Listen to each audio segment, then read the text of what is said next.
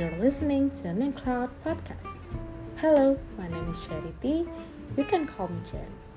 Here I will talk about how I love myself and things that caught my mind. I will speak both Bahasa and English, so bear with me and enjoy!